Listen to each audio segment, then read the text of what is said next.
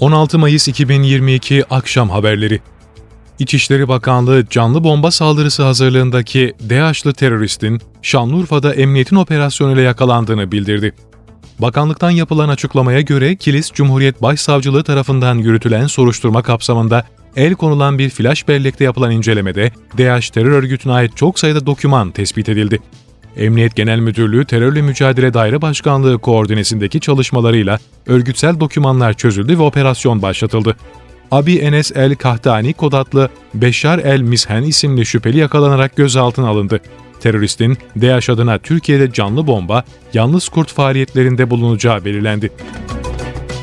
Suriye'nin kuzeyindeki Barış Pınarı ve Zeytin Dalı Harekat bölgelerinde saldırı hazırlığındaki 10 PKK-YPG'li terörist etkisiz hale getirildi.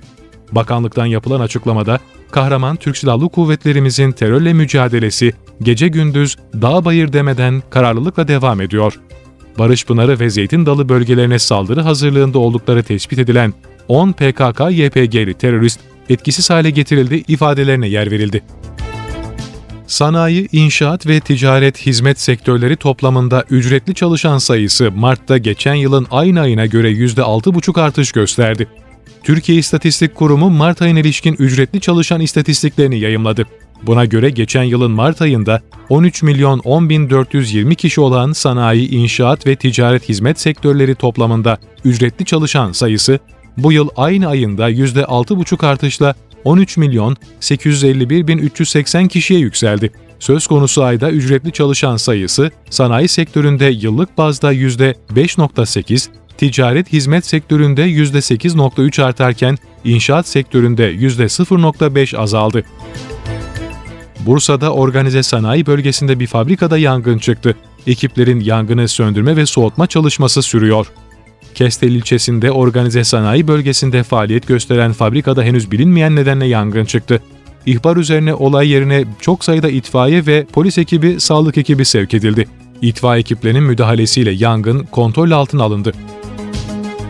Anadolu Otoyolu'nun Abant Kaynaşlı kavşaklarında bulunan viyadüklerde genleşme derzi değişimi yapılacağından İstanbul istikameti 20 Haziran'a kadar araç trafiğine kapatıldı. Ekipler tarafından sabah saatleri itibariyle hazırlıkları yapıldı ve alınan önlemlerin ardından otoyolun İstanbul istikametinde 20 Haziran'a kadar sürecek çalışma başladı. Otoyolun yaklaşık 23 kilometrelik kesiminin ulaşıma kapanması nedeniyle İstanbul yönünde gidecek araçlar Abant kavşağından D100 karayoluna aktarılacak. Bu araçların Kaynaşlı kavşağından yeniden otoyola katılımları sağlanacak.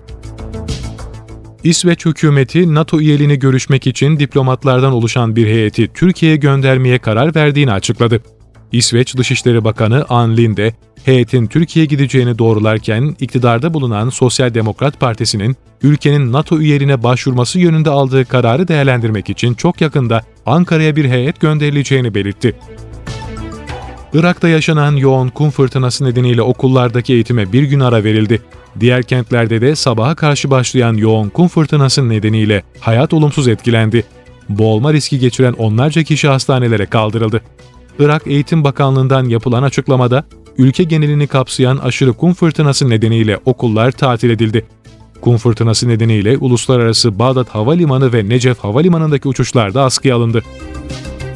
Avrupa Birliği Dışişleri Bakanları, Rusya'ya karşı petrol ihracat yasağını da içeren yaptırım paketini görüşmek için Brüksel'de bir araya geldi.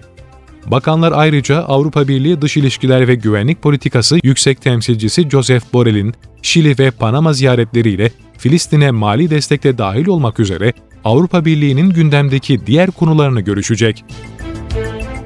Azerbaycan'ın başkenti Bakü'de 26-29 Mayıs'ta gerçekleştirilecek Havacılık, Uzay ve Teknoloji Festivali Teknofest Azerbaycan için hazırlıklar sürüyor.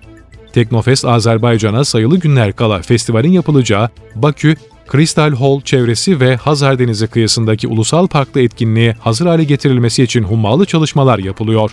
4 gün devam edecek festivali her gün yaklaşık 50 bin, toplamda 200 bin kişinin ziyaret edeceği öngörülüyor.